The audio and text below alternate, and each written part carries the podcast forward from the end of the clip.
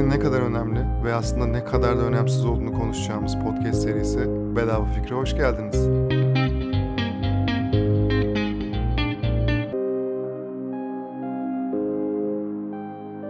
Merhaba, hoş geldin. Süper bir bölümle karşındayım. Pink Floyd'un efsane şarkısı Another Brick in the Wall'la başlayıp, tabii ki eğitime bağlayıp, sonrasında çok sevdiğim bir teori olan siyah kuğu teorisinden bahsedip, son bölümde de iyi tamam da biz bu bilgilerle ne yapacağız diye bir üzerine konuşup bölümü tamamlayacağız. Hemen başlayayım. Şimdi Another Brick in the Wall Pink Floyd'un 79'da yayınladığı bir rock opera albümü olan The Wall'da bulunan ve Roger Waters tarafından sözleri yazılmış olan 3 parçalı bir kompozisyon. Çoğumuzun bildiği ikinci bölümü aslında o işte eğitim sistemine karşı protesto niteliği taşıyan o bölüm. Efsane sözlerinin üzerinden en azından birkaç cümlesinin üzerinden tekrar burada geçmek isterim. Öğrenciler şöyle der ya, eğitime ihtiyacımız yok, düşüncelerimizin kontrol edilmesine ihtiyacımız yok, sınıftaki alaycı tavırlara ihtiyacımız yok. Ve dış ses o efsane cümleyi söyler. Sen sadece duvardaki bir tuğla parçasısın. Another brick in the wall. Keşke telif derdi olmasaydı da baştan sona şimdi bir dinleseydik şarkıyı ama tabii bu bölümden sonra belki açıp dinlersin. Ve tabii tahmin edebileceğin üzere 80'lerde birçok ülkede yasaklıydı bu şarkı. Hatta Güney Afrika'da bir okul protestosunda marş gibi kullanılmış sanatın her dalı gibi müzik de sanırım muhalif olduğunda daha güzel. Şimdi bu bu şarkıyla girmemin girmek istememin sebebi neydi? İzev geçtiğimiz günlerde bir arkadaşımın göndermesiyle haberdar olduğum İzev'in bir projesi var. İzev bilmeyenler için İstanbul Zihinsel Engelliler için Eğitim ve Dayanışma Vakfı.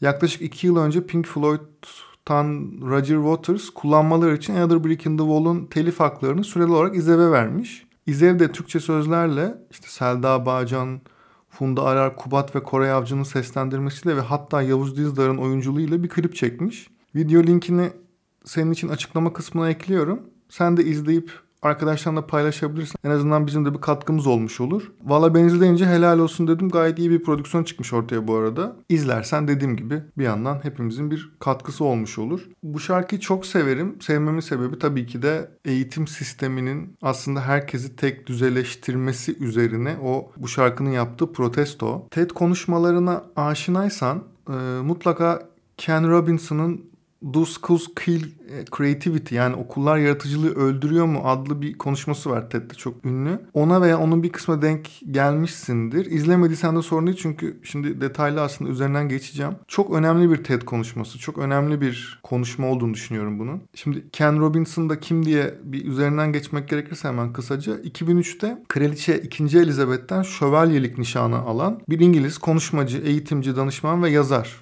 Daha doğrusu yazardı. Çünkü Ağustos 2020'de vefat etti maalesef. Ve anlattığı bazı şeyler Türkçe olarak da burada yaşasın isterim. Konuşmasının bu konuşmanın linkini de Türkçe altyazılı olarak gene link olarak bölümün açıklaması içerisine ekleyeceğim bu arada. Oradan izleyebilirsin. Bu meşhur konuşmada 3 temadan bahsediyor. Bu arada bu 14 yıl önce yaptığı konuşma. Bu 3 temanın ilki insan yaratıcılığı, diğeri geleceğin bilinmezliği, üçüncüsü ise çocukların potansiyeli, yaratıcılığın okur yazarlık kadar önemli olması gerektiğini söylüyor Robinson. Gerçekten de öyle. Düşünsene çocuklar yanlış yapmaktan korkmaz. Mesela bir hikaye var. Kıza öğretmeni sormuş. Ne çiziyorsun diye isim dersinde. Kız cevap vermiş. Tanrı'yı çiziyorum öğretmenim. Öğretmen demiş ki iyi de Tanrı'nın neye benzediğini kimse bilmiyor ki. Kız cevap vermiş. Sorun değil. Birkaç dakikaya öğrenecekler. Yani çocuklar hata yapmaktan, yanlış anlaşılmaktan, denemekten, çekinmezler ve korkmazlar. Bence müthiş. Eğer hata yapmaya hazırlıklı değilsen çünkü orijinal hiçbir şey bulamıyorsun. Bulamazsın. Yetişkin oldukça hata yapmaktan korkmaya başlıyor insan. Hepimiz yani. Şirketleri de böyle yönetmiyor muyuz zaten? Hataları damgalıyoruz. Sonra hata yapmaktan korkmayın diyoruz. Ama lafta. Burada Picasso efsane sözü geliyor aklıma. Her çocuk sanatçıdır. Sorun büyüdüğümüzde nasıl sanatçı kalacağımızdır. Dünyadaki neredeyse her eğitim sisteminde müfredat hiyerarşisi sanırım şu şekilde. En üstte matematik ve dil yer alıyor. Orta sırada sosyal bilimler, en altta da sanat. Bu pek değişmez muhtemelen. Hatta sanatta bile bir içinde bir hiyerarşi var. Müzik ve resim daha üstte, drama ve dans daha aşağıda. E düşün yani hepimiz resim dersi aldık. Hala var mı bilmiyorum ama müzik dersinde blok flüt falan da çaldık. Burada en önemli soru şu. Dans neden matematikten daha az önemli olsun ki? Burada yine çok önemli bir konu daha var. Neden insanları sadece belden yukarı hatta sadece kafalarının içine eğiten bir eğitim sistemimiz var ki? Tüm dünyadan bahsediyorum. Neden? E, vücudumuz sadece kafamızı toplantılara veya derslere taşıması için mi var? Artık o da yok gerçi. Pandemi nedeniyle görüşmeler de online ama ana sıkıntı şu. Tüm eğitim sistemleri 19. yüzyıl öncesindeki endüstriyel ihtiyacı karşılamak üzere oluşturulmuş kurulmuş değil mi? Burada yine çok önemli olduğunu düşündüğüm bir soruya geliyoruz. Okulda hangimiz yapmaktan hoşlandığımız şeylerden onu yapma yoksa iş bulamazsın diyerek uzaklaştırılmadık ki? Müzik yapma müzisyen olamayacaksın zaten resim yapma, ressam mı olacaksın? Hem artık üniversite diplomasının da bir önemi var diyebilir miyiz şu dönemde? Enflasyon sadece ekonomide yok ki. Eğitimde de var. Artık yüksek lisans diploması bile iş bulmak için geçer akçe mi? Hayır. Doktora yapıp çalıştığı şirkette yükselmeye ve ek bir fayda sağlamaya çalışan insanlar haline geldi. Bir hikayeyle bağlıyorum, bağlayacağım burada. Gillian Lynn adını duymamış olabilirsin. Ben de bu konuşma öncesinde bilmiyordum. Gillian'ın öğretmeni çocukluk yıllarında işte annesi okula çağırıyor ve onda öğrenme bozukluğu olduğunu ve bir uzmana gitmene gerektiğini söylüyor. Annesi de bu durumdan memnuniyetsiz olsa da uzmana gidiyor ve herkesin işte Jillian'dan şikayetçi olduğunu işte detaylarıyla bu uzmana anlatıyor. Uzman uzun uzun dinliyor. Sonra Jillian'a biz şimdi annenle dışarıda konuşup geleceğiz. Sen burada bekle tamam mı diyor. Çıkarken de bu uzman radyoda bir kanal açıyor ve çıkıyorlar. Bu arada 1930'lardan bahsediyoruz. Odanın dışında uzman Jillian'ın annesine Jillian'ı izleyelim buradan diyor. Annesi de tabii meraklı Jillian'ın nesi var diyor. Uzman cevap veriyor. Bakın diyor. Jillian nasıl müziğe doğru gidiyor ve ritim tutuyor. Jillian'ın bir şeyi yok. O sadece dansçı olmak istiyor diyor. Onu bir dans okuluna götür. Peki annesi ne yapıyor? Bu mutlu bir hikaye tabii. Annesi Jillian'ı bir dans okuluna götürüyor ve Jillian ilk defa kendisi gibi insanlarla dolu olan bir odaya girdiği için sevinçten deliye dönüyor. Sonra Jill'ine ne mi oluyor? Hani Cats müzikali vardır. Phantom of the Opera vardır. Ha işte çok ünlü bir koreograf olup bu müzikalleri sahneliyor ve İngiltere'de muhteşem bir şöhrete ulaşıyor. O uzman Jillian için bir sakinleştirici yazıp gönderebilir ve Jillian de herhangi biri olarak hayatına devam edebilirdi değil mi? İyi ki olmamış. Sanat bir kişiyi daha kazandırmış kendi saflarına ve aslında İngiltere halkına ve dünyaya. Ama tabii bu her zaman yaşanamayan, yaşanmayan bir hikaye maalesef. Keşke keşke daha çok yaşanabilse. Bu yüzden de buna benzer durumlara yani bu anomalilere, fenomenlere bir isim veriliyor. Ve bu bölüme de adını veren siyah kuğu teorisi.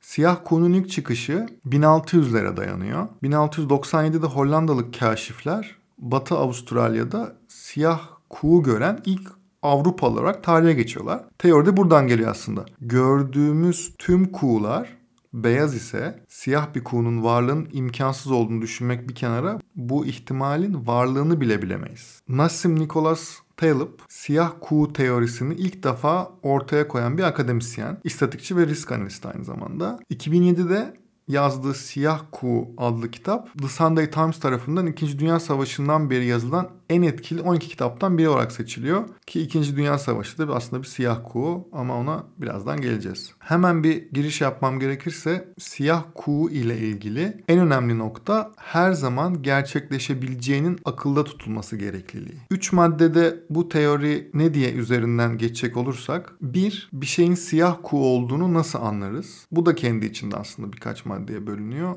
İlki uç noktada bir fikir ve olaysa bu siyah kuğudur.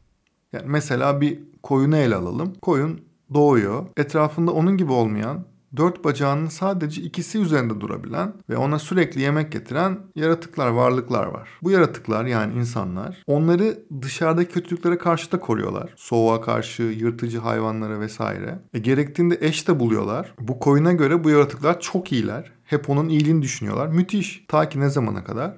Kurban Bayramı'na kadar. O gün geldiğinde bu koyun arkadaşlarının kesildiğini ve kendisinin de kesimhaneye gittiğini anladığında tüm dünyası yıkılıyor. Çünkü böyle bir şeyin gerçekleşebileceği hakkında elinde hiçbir bilgi yoktu. Dolayısıyla bu durum coin için bir siyah kuğu olayı. Peki aynı şey insanlar için geçerli mi?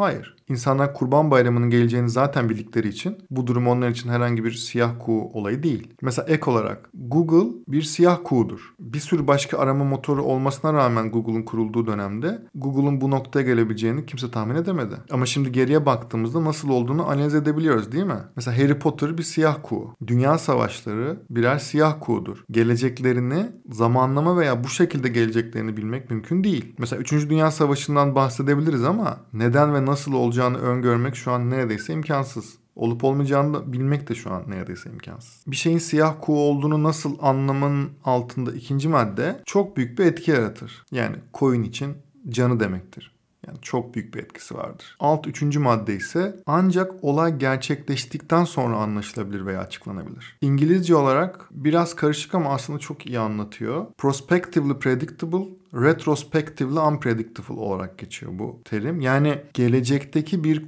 siyah kuğuyu tahmin etmemiz ne kadar zorsa geçmişteki bir siyah kuğuyu analiz edip nedenlerini anlamamız da o kadar kolay. Hatta ekonomi ve tarih gibi bilimler bize geçmişe bakarak geleceği tahmin edip edemeyeceğimizle ilgili ipuçları vermeye çalışırlar. Peki siyah kuğu perspektifinden baktığımızda bu mümkün müdür? Bu sorunun çok net bir cevabı yok maalesef. Bu da bizi diğer bir maddeye getiriyor. Siyah kuğu körlüğü. Bir örnekle hemen açıklayayım. Bill Gates, Edison, Mark Zuckerberg gibi isimlerin okulu bırakıp milyarder oldukları hikayelerini yıllardır dinliyoruz değil mi? Hatta bu hikayeler birçok okulu bırakmak isteyen öğrenci ve genç arkadaş tarafından da zaman zaman kullanılıyor. İşte bu siyah kuğu körlüğüne güzel bir örnek. Çünkü bazı kişilerin okulu bırakıp milyoner veya milyarder olması tüm okulu bırakanların zengin olacağı anlamına gelir mi? Gelmez. Dolayısıyla bu körlüğe girmeden siyah kuğulara gözümüzü açmamız gerekir. Üçüncü ve son madde vasatın dışına çıkabilmek. Sürekli güvenli yoldan gidersen siyah kuğu olman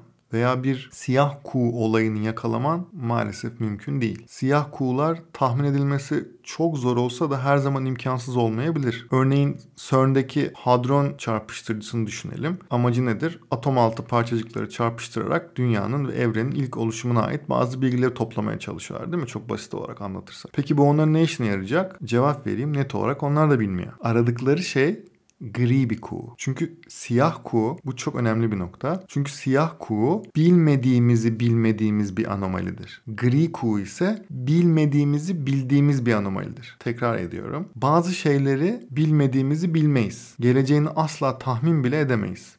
Ama bazı şeyleri bilmediğimizi biliriz. Örnek olarak bu bölümü örnek vereyim. Ben bu bölümü paylaşana kadar örneğin işte Instagram'dan veya herhangi bir sosyal medyadan siyah kuğu teorisi diye bir şeyin varlığını belki de bilmiyordun. O zaman bu olay senin için bir siyah kuğuydu. Fakat ben bölüm adını paylaştıktan sonra bu olay senin için artık bir gri kuğu oldu.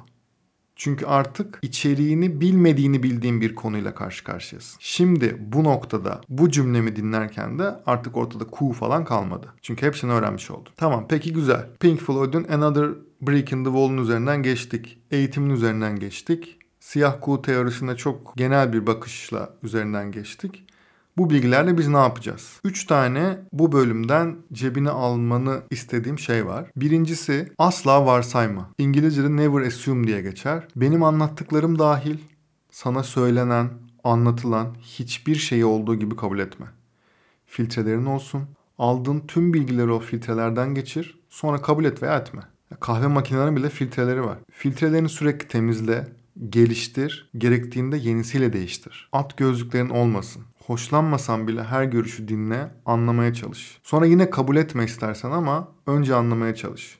Kendi filtrelerinle, başkasının sana dayattıklarıyla değil. En azından ben öyle yapmaya çalışıyorum. 2. Kendine eğit. Okulda bize bunu öğretmediler diyenlerden olma. Şirkette bize eğitim vermiyorlar diyenlerden de olma. Kimlerden ol biliyor musun? Geçenlerde şu online eğitimi aldım diyenlerden mesela. Uzmanlaşmak istediğim konuyla ilgili son 6 ayda 10 kitap bitirdim diyenlerden ol mesela. Ama bunları yapmaya zamanım yok diyenlerden olma. Daha az Netflix izledim, daha çok kitap okudum diyenlerden ol. Veya daha az Instagram'da gezdim, daha çok eğitim aldım diyenlerden ol. Lütfen. Son madde. Duvardaki tuğla olma. Kimseyle yarışma. Bu yarışma konusunun üzerine çok düşünüyorum. Kimseyle yarışma çünkü mutlaka bir yerde kaybedeceksin.